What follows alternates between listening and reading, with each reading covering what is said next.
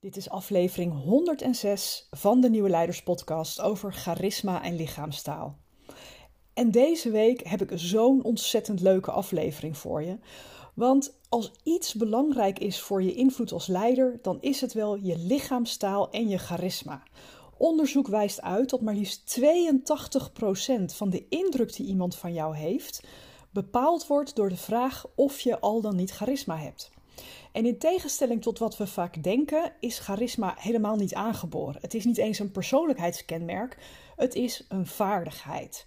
Dus deze week ga ik je helemaal meenemen in de wonderenwereld van charisma en lichaamstaal. En ik geef je een paar super simpele en effectieve hacks. Uh, die voor iedereen toepasbaar zijn om je charisma te vergroten zonder dat je een rare, onnatuurlijke rol speelt. Nou, het lijkt een beetje op het thema wat we vorige week aan bod hadden, maar ik beloof je, het is een heel andere invalshoek en we gaan nog een flinke spaat dieper. En het is super toepasbaar, dus ik kijk er ontzettend naar uit om dit met je te delen. Vind je dit thema interessant, dan wil ik je wel van harte uitnodigen om volgende week mee te doen met mijn gratis masterclass over emotionele intelligentie voor leiders. Dat is dinsdag 13 december aanstaande. En je kunt je nog aanmelden op mijn site, de implementatiedokter, slash Vergroot je impact met emotionele intelligentie, overal streepjes tussen. Of je kijkt gewoon even in de show notes, want daar heb ik ook de uh, link ingezet. Laten we snel aan de slag gaan.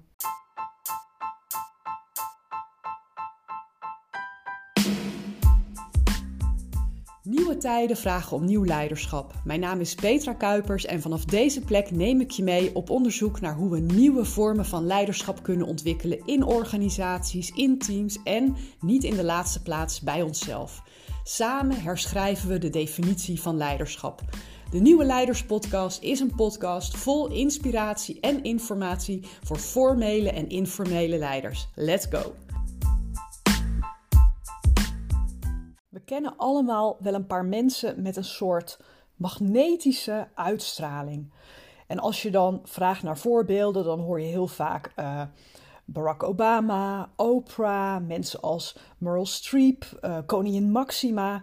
En waar komt dat nou door? Wat is nu precies die X-factor waarom mensen bijna universeel, of je, of je ze nu uh, mag of niet, deze mensen noemen als mensen met een magnetische uitstraling?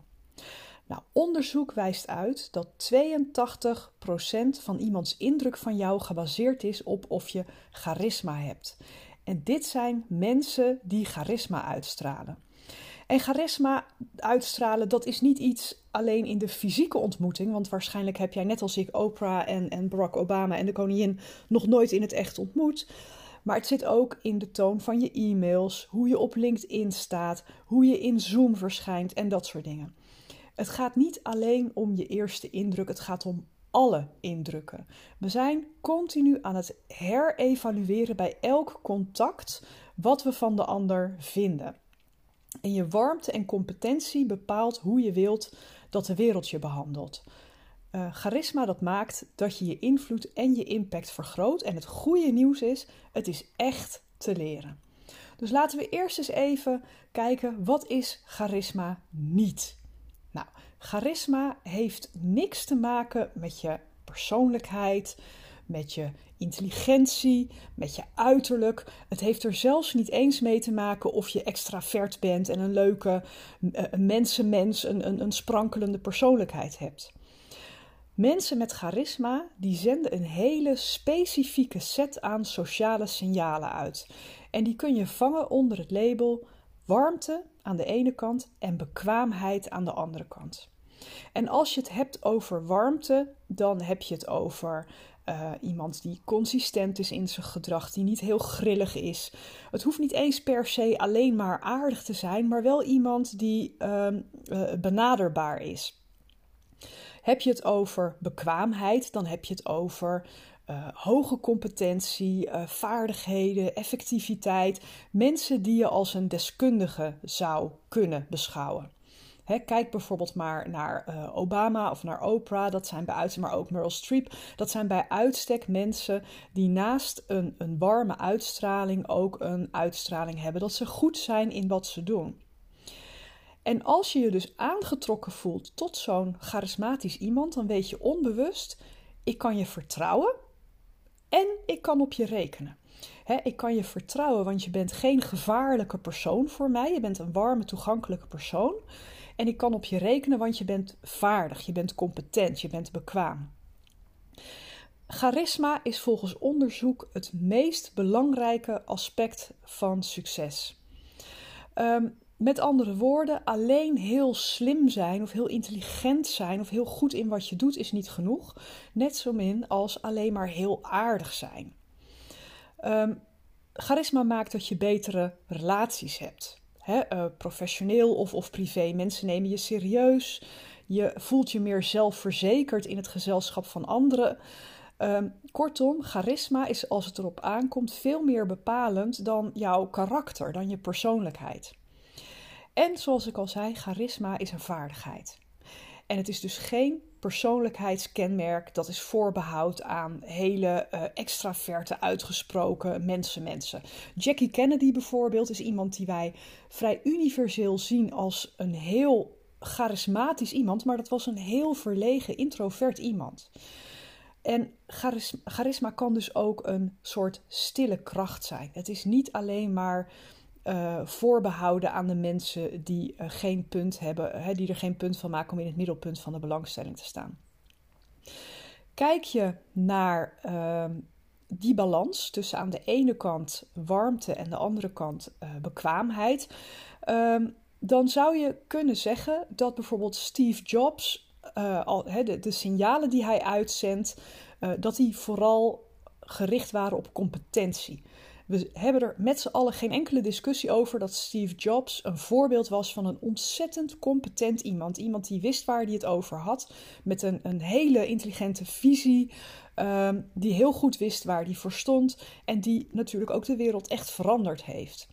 Tegelijkertijd zendt hij weinig signalen van warmte uit. Je zou hem niet direct bestempelen als een charismatisch iemand hij voelt wat, wat afstandelijk, wat koud. Je zou hem niet snel aanzien voor een teamplayer. Dus hij signaleert met andere woorden meer competentie, meer slimheid dan warmte. En wat je merkt bij mensen die vooral veel uh, intelligentie, veel slimheid en veel vaardigheid, uh, bekwaamheid uitstralen, dat soort mensen die leggen heel veel nadruk op feiten, op uh, de waarheid kennen. en dingen als kwetsbaarheid uitstralen of uh, persoonlijke zaken delen, dat zit wat minder natuurlijk in hun uh, assortiment van lichamelijke cues die ze uitstralen. Dat vinden competente mensen vaak lastig. Emoties vinden ze vaak ingewikkeld, omdat het mensen zijn die vaak ook heel erg. En ik, ik maak hem nu heel zwart-wit, dus daar zitten allerlei nuances tussen. Maar het zijn heel vaak mensen die houden van oplossen. Het zijn fixers. Op het moment dat jij bij een, een hoogcompetent iemand komt en je geeft aan dat je een rotdag hebt gehad of wat dan ook, dan zal die persoon de eerste zijn om te zeggen: Nou, laten we eens even gaan zitten en kijken hoe we dat kunnen verhelpen. Wat natuurlijk prachtig is, maar soms wil je vooral even. Um, uh, nou ja, je, je, je uiten hoe je je voelt. En dat is bij mensen die vooral cues uitstralen van bekwaamheid, is dat uh, dat stukje persoonlijkheid onderbelicht. Competente mensen willen uh, het juist hebben. En warme mensen, dus mensen die juist heel veel warmte uitstralen, willen in het algemeen heel graag aardig gevonden worden. En je wilt natuurlijk niet koud zijn, maar je wilt ook geen deurmat zijn. En uh, onderzoek van de Princeton University wijst uit dat zonder genoeg warmte mensen ook minder snel geloven dat je bekwaam zijn, bent. Met andere woorden, alleen slim zijn is niet genoeg. Dus um, als, als bekwaam iemand die een hele erge nadruk heeft op, um, nou ja, op intelligentie, op uh, een, een, vakkundig en, en uh, competent persoon zijn, is het goed om te leren hoe je warmte kunt uitstralen. Kijk je naar mensen die vooral heel veel warmte uitstralen, en misschien herken je jezelf meer in dat profiel, dan merk je dat hun verlangen om aardig gevonden te worden in de weg staat van de, ja, hun wens om uh, gerespecteerd te worden. Met andere woorden, uh, nou ja, je loopt het risico om een beetje een deurmat te worden vanuit uh, de hoop dat je dan aardig wordt gevonden. En daarmee bereik je het tegenovergestelde. Omdat er een disbalans is tussen uh, warmte en competentie, met een nadruk op warmte, word je minder serieus genomen, word je minder gerespecteerd. Andersom, als je te gefocust bent op slim en competent gevonden worden en het bij het rechte eind hebben, dan gaat jouw behoefte om, uh, om, om gelijk te hebben, om, om, om de expert te zijn en onbetwistbaar te zijn, in de weg staan van je, uh, uh, nou ja, van je, van je noodzaak om aardig gevonden te worden. En de sleutel is dus altijd balans tussen warmte aan de ene kant en bekwaamheid aan de andere kant. En in de praktijk hebben we daar vaak een ja, een soort blinde vlek voor. Dus het is altijd goed om je af te vragen van waar denk jij dat je zwaarder op zou scoren? Is dat aan de ene kant warmte, aan de andere kant competentie? Of denk je dat dat wel een beetje in balans is? En het is ook goed om het eens aan anderen te vragen. Want ehm, we hebben niet altijd een, een objectief beeld van hoe we op de buitenwereld overkomen. En nogmaals, ehm, het kan geleerd worden. Die balans tussen de cues, tussen de signalen die je uitzendt, die kun je leren. Het is geen aangeboren vaardigheid. Het moeilijke deel is, um, je kan de meest warme persoon op aarde zijn. Je kan de meest competente persoon ter wereld zijn. Maar als je dat niet voldoende naar buiten kunt laten zien, dan wordt dat nooit opgepakt als charisma. Ik zal hem een keer herhalen zodat hij goed tot je doordringt. Ook al ben jij de meest warme persoon ter wereld, of misschien ben je de meest competente persoon die er op de wereld rondloopt, als je niet in staat bent om dat voldoende naar buiten te signaleren, signalen af te geven die dat bevestigen, dan wordt dat nooit door de buitenwereld opgepakt als charisma. Dus de kunst is niet uh, minder competent worden of meer warm worden. De kunst is dat de signalen die je uitzendt, dat die meer met elkaar in balans komen. Charisma is het missende ingrediënt. Het is een soort smeermiddel. Dus ook als je jezelf een beetje awkward, een beetje onhandig voelt, dan kan het, het, het signaleren, het uitstralen van warmte en bekwaamheid je interacties soepeler maken. Het is echt een smeermiddel. Um, charismatische mensen hebben één ding gemeen met elkaar. En laten we even Oprah als voorbeeld nemen. Ehm, het, is, het zijn mensen in wiens aanwezigheid je ook beter, je beter gaat voelen over jezelf. En uh, het is al een tijdje geleden dat ze op tv was, maar ze, ze is nog uh, veelvuldig op internet en weet ik veel te zien. En als je wel eens langs haar, haar werk komt, dan zie je dat zij je ontzettend of je, degene die geïnterviewd wordt, dat ze die ontzettend op hun gemak laat voelen. Ze is heel goed in staat om een sfeer te creëren waarin de ander de meest duistere geheimen op tv wil delen. En dat is niet manipuleren, dat is echt een sfeer van veiligheid, van empathie en van verbondenheid weten te creëren. Tegelijkertijd uh, prikt ze er zo doorheen als je uh, de boel uh, nou ja, loopt, loopt te bedotten. Hè. Ze is heel alert en door haar uitstekende competentie als het gaat om interviewtechnieken, vraagstellen, verbale en non-verbale clues goed lezen, is ze heel goed in staat om net even een, een vraag scherper neer te zetten. Dus haar journalistieke competentie is, nou ja, onmiskenbaar. En er zijn een paar redelijk simpele hacks om andere signalen uit te zenden dan je nu doet. En daarmee dus jouw charisma te vergroten. En dit zijn allemaal tips uit wetenschappelijk onderzoek. Dus uh, ik heb ze niet zelf verzonnen. Ik heb dit uh, uit verschillende uh, onderzoeken bij elkaar. er zijn ook hele mooie boeken over geschreven. En laat ik je door deze tips meenemen, zodat je kunt kijken van wat kan ik vandaag al gaan doen om daar, ehm, nou ja, om daar, daar bij mezelf aan te gaan bouwen. En sommigen zullen een beetje raar voelen misschien, maar experimenteer er eens mee en kijk eens wat het doet. Uit wetenschappelijk onderzoek blijkt dat vooral de eerste seconde dat je met elkaar in contact treedt heel belangrijk vindt. En wat ik al zei, het wordt continu geherevalueerd. Dus als dat een keer misgaat, is er nog niks verloren. Maar weet dat de eerste seconde met, dat je met iemand in contact komt, dat die redelijk bepalend zijn voor de rest van het verloop van uh, de afspraak of de ontmoeting, uh, over hoe je gepercipieerd wordt. En een hele gekke, maar een hele belangrijke is: laat je handen zien. Een van de eerste plekken waar we naar kijken om iemands warmte ja, in te schatten, dat is de handen.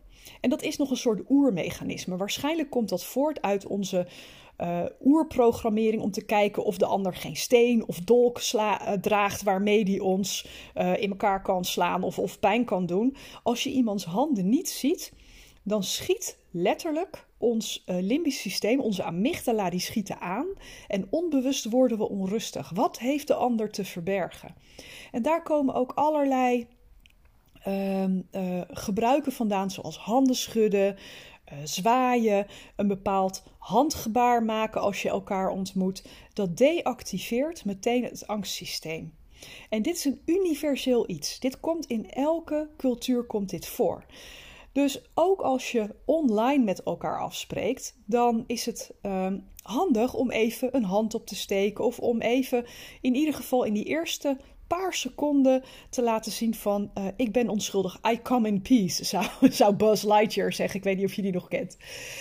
Um, de tweede is, um, wees je bewust van de afstand tussen jou en de ander. En uh, dat is op zich wel redelijk cultureel bepaald, maar in onze wester, westerse uh, cultuur kennen wij als mensen eigenlijk vier nabijheidszones. Je hebt de publieke zone, dat is, nou ja, je staat met elkaar op de trein, op de tram, op de bus te wachten. En die voelt als, nou ja, toch wel zo'n vier meter van elkaar staan. Als je ziet hoe mensen gerangschikt staan op een perron, dan zie je dat daar vaak zo'n vier meter tussen staat. Je hebt de sociale zone. Als je met iemand in gesprek gaat die je niet goed kent, dan zal daar in de praktijk een ruimte tussen zitten van ongeveer 1,2 tot 4 meter. Maximaal 4 meter, want daarna kom je weer in die publieke zone. De derde zone is de persoonlijke zone. je komt iemand tegen, eh, een buurman, een, een, een, een, een kennis waar je mee praat. En dan kan dat al wat dichterbij komen. Dan is die zone ongeveer een halve meter tot pak een beet 1,2 meter. De intieme zone van 0 tot 50 centimeter, die bewaar je echt voor je partner, je ouders, je allerbeste vrienden, je kinderen. En we merken ook als iemand iets te dicht bij ons komt, dat dat ongemakkelijk voelt. Dat mensen een beetje in ons ja, binnenste kringetje komen en daar, daar worden we ongemakkelijk van. Mensen met charisma zijn zich bewust van de afstand die ze houden ten opzichte van anderen. En dat geldt overigens ook als je uh, bijvoorbeeld uh, in een virtuele call zit. Dus als je op Zoom of Teams zit. Op het moment dat jij de camera heel dicht bij je gezicht houdt, dan voelt dat ontzettend intiem. En dat past heel vaak niet bij de aard van het gesprek wat je hebt. Dus wees je daarvan bewust als je online uh, met elkaar in overleg bent, zet dan die camera ongeveer, nou ja, zeg een halve, nou ja, halve meter, zo'n 40, 50 centimeter bij je vandaan, zodat je goed in beeld bent en uh, tegelijkertijd niet een soort intieme uh, uitstraling hebt die niet helemaal past bij uh, de aard van het gesprek. Een derde, daar gaan wij heel vaak fout in. En zeker vrouwen, uh, hebben hier een beetje een, een, een handje van en dat doet ze geen goed. En dat gaat over ons stemgebruik. Gebruik niet wat ze ook wel noemen uh, een vraagverbuiging. En een vraagverbuiging is dat waarbij je stem aan het einde van de zin wat omhoog gaat, zodat het klinkt als een vraag. En je ziet het vooral uh, in, in Amerika vaak gebeuren als mensen met elkaar praten, dat aan het eind die stem omhoog gaat. Dat zit in onze cultuur iets minder. Maar je merkt dat we dat wel een beetje aan het overnemen zijn. Op het moment dat we ons voorstellen en we doen die stemverbuiging, dan klinkt het een beetje als een vraag. En dat doet met de ander iets. Het verandert de manier waarop er naar ons geluisterd wordt. Als wij bijvoorbeeld een statement maken en we doen dat met zo'n stemverbuiging die naar boven gaat, dan wordt dat aan de andere kant geïnterpreteerd als onzekerheid, omdat het lijkt op een vraag. En dat gaat ten koste van je geloofwaardigheid. En vaak doen we dat al in de eerste 10 seconden. Dus die stemverbuiging. Mijn naam is Petra Kuipers. Ik ben de host van de Nieuwe Leiders Podcast. We gaan het vandaag hebben over mijn expertise. dat doet af aan wat je wilt uitstralen. Dus daarmee doen we onszelf tekort. Het is het ondersignaleren van je deskundigheid. En dat gebeurt vaak vanzelf als we nerveus zijn. Nou, er is een truc om dat ehm, een beetje anders aan te leren bij jezelf. En dat is wel eh, een kwestie van oefenen, zodat je dat een beetje in je systeem krijgt. Maar probeer om in het begin van een gesprek niet te praten op de inademing, maar zeg je eerste woorden juist op je uitademing. Als je praat op je uitademing, dan is fysiek het al lastiger om die stemverbuiging naar boven te doen. Dus oefen daar eens mee. De volgende die ik je mee wil geven gaat over gezichtsuitdrukkingen. En ehm, met name introverte mensen, en dat ben ik zelf, willen nog wel eens ehm, het idee hebben dat wij ons extravert vorm moeten, moeten doen. de wereld en, en met, met name ons werk is toch nog steeds heel erg ingericht op mensen die in de aard extravert zijn. En vaak doen we dat door een soort gemaakte glimlach. Ehm, uh, op te zetten. Als wij maar glimlachen, dan denken we dan hebben we een open uitstraling en daarmee overschreeuwen we als het ware onze, uh, nou ja, onze verlegenheid of onze introversie. En ehm, dat is eigenlijk, eh, heeft dat het omgekeerde effect. Want niets heeft zo'n nou ja, afstandscheppend effect als met een gemaakte glimlach een ander benaderen. We hebben dat meteen door. We hebben daar een enorm zesde zintuig voor. Dus dat wil je niet doen. Wat je wel kunt doen is een aantal andere warmtesignalen uitzenden. En dat geldt zowel voor introverten als voor extraverten. Die helpen om die, dat, die perceptie van warmte, om die uh, een schepje, een tandje bij te zetten. En de eerste is als je met iemand in gesprek bent, uh, knikken met je hoofd. Als iemand een lange, langzame hoofdknik maakt, hè, dan, blijkt dat, uh, dan straalt dat uit: ik begrijp je. En dat stimuleert de ander om meer te zeggen. Die voelt zich uh, gehoord, die voelt zich gezien. Dus de langzame hoofdknik, en even een heel triviaal feitje: vaak is drie keer knikken en dan niet heel snel, maar op een langzame, uh, bedachtzame manier. Dat is een hele effectieve methode om aan de andere kant een uitnodigend gevoel achter te laten. Een, een andere is je hoofd een klein beetje zijwaarts buigen, alsof je je oor omhoog uh, houdt, zeg maar. Dat is ook een warmtesignaal. Dat voelt onbewust als oprecht en met aandacht naar de ander luisteren. Dus ook dat is een uitnodigend gebaar om de andere uh, zich op zijn gemak te laten voelen. En daar heb je natuurlijk nog een heel scala aan dingen zoals hummen, uh, knikken. Het zijn allemaal manieren die ook voor introverten heel geschikt kunnen zijn om aanwezig te zijn in gezelschap zonder jezelf per se op de voorgrond te willen zetten. En dan kan je denken aan oh of wauw of wat of hmm, weet je, dat zijn allemaal ja, vocale aanmoedigingen die je kan doen, waardoor blijkt ik ben aanwezig, ik ben uh, alert, ik hoor je, ik zie je, etc. Nou, dat even als uh, een aantal warmtesignalen. Uh, die kan je overigens ook heel goed gebruiken in de woorden die je kiest. En zeker virtueel is dat heel belangrijk, want in de tijd dat we veel meer hybride zijn gaan werken, merk je dat er een soort afstand is gecreëerd. Die is natuurlijk letterlijk, maar die is ook voelbaar. En er is onderzoek geweest die onze huidrespons meet op het moment dat je warme woorden gebruikt in virtuele meetings. waar je normaal gesproken even een tikje op de schouder of mensen een hand geeft of wat dan ook. Dat doet iets fysiologisch met ons. dat is te meten in onze huid dat we ons dan meer verbonden voelen met de ander. Maar dat kunnen we een soort van nabootsen in virtuele omgevingen. En even afhankelijk van wat het gezelschap is waar je in zit, kan je bijvoorbeeld zeggen van goh, ik had je heel graag even de hand geschud, want ik vind het zo fijn ehm, eh, om je hier weer te spreken. Dat heeft al hetzelfde effect. En ook woorden gebruiken als connectie. Jongens, ook al zitten we niet dicht bij elkaar, ik voel ontzettende connectie. En ik vind het heerlijk om hier weer een keer met elkaar bij te kunnen praten. Uh, woorden als vertrouwen, connectie, ehm, uh, geweldig, hè? dat soort dingen. Dat maakt dat er een fysiologische trigger of reactie is bij de ontvanger en die is meetbaar.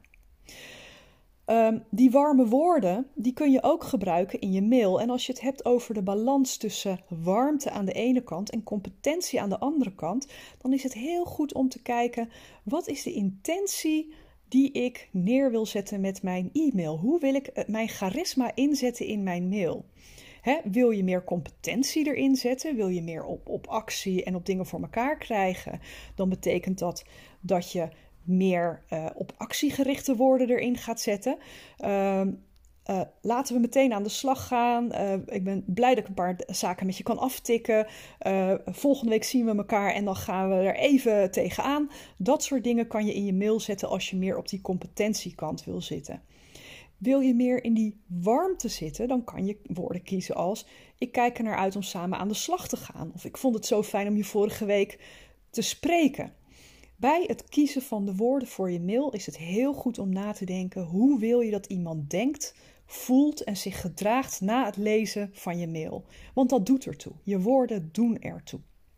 Nou, tenslotte nog een, uh, een, een soort ja, brain hack bijna. Uh, die heel erg van pas kan komen als je in een virtuele afspraak zit.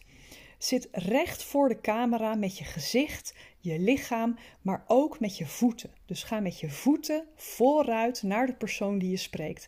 En je denkt natuurlijk van, nou ja, weet je, je ziet mijn voeten helemaal niet als ik online ben. Maar het doet iets en dat zal ik je uitleggen. Je ziet vaak hè, in overleggen dat mensen hun camera, uh, dat, dat ze in een andere camera kijken dan, uh, uh, dan, dat je, hè, dan, dan waar jij naar, hè, dat, het net lijkt alsof ze je niet recht aankijken. of dat ze wat afgewend zitten van hun camera. En gedraaid of asynchroon zitten, dat maakt dat de ander op zijn hoede blijft. We vinden de verbinding het grootst, het charisma wat wij ervaren is het grootst als we parallel zijn met de ander.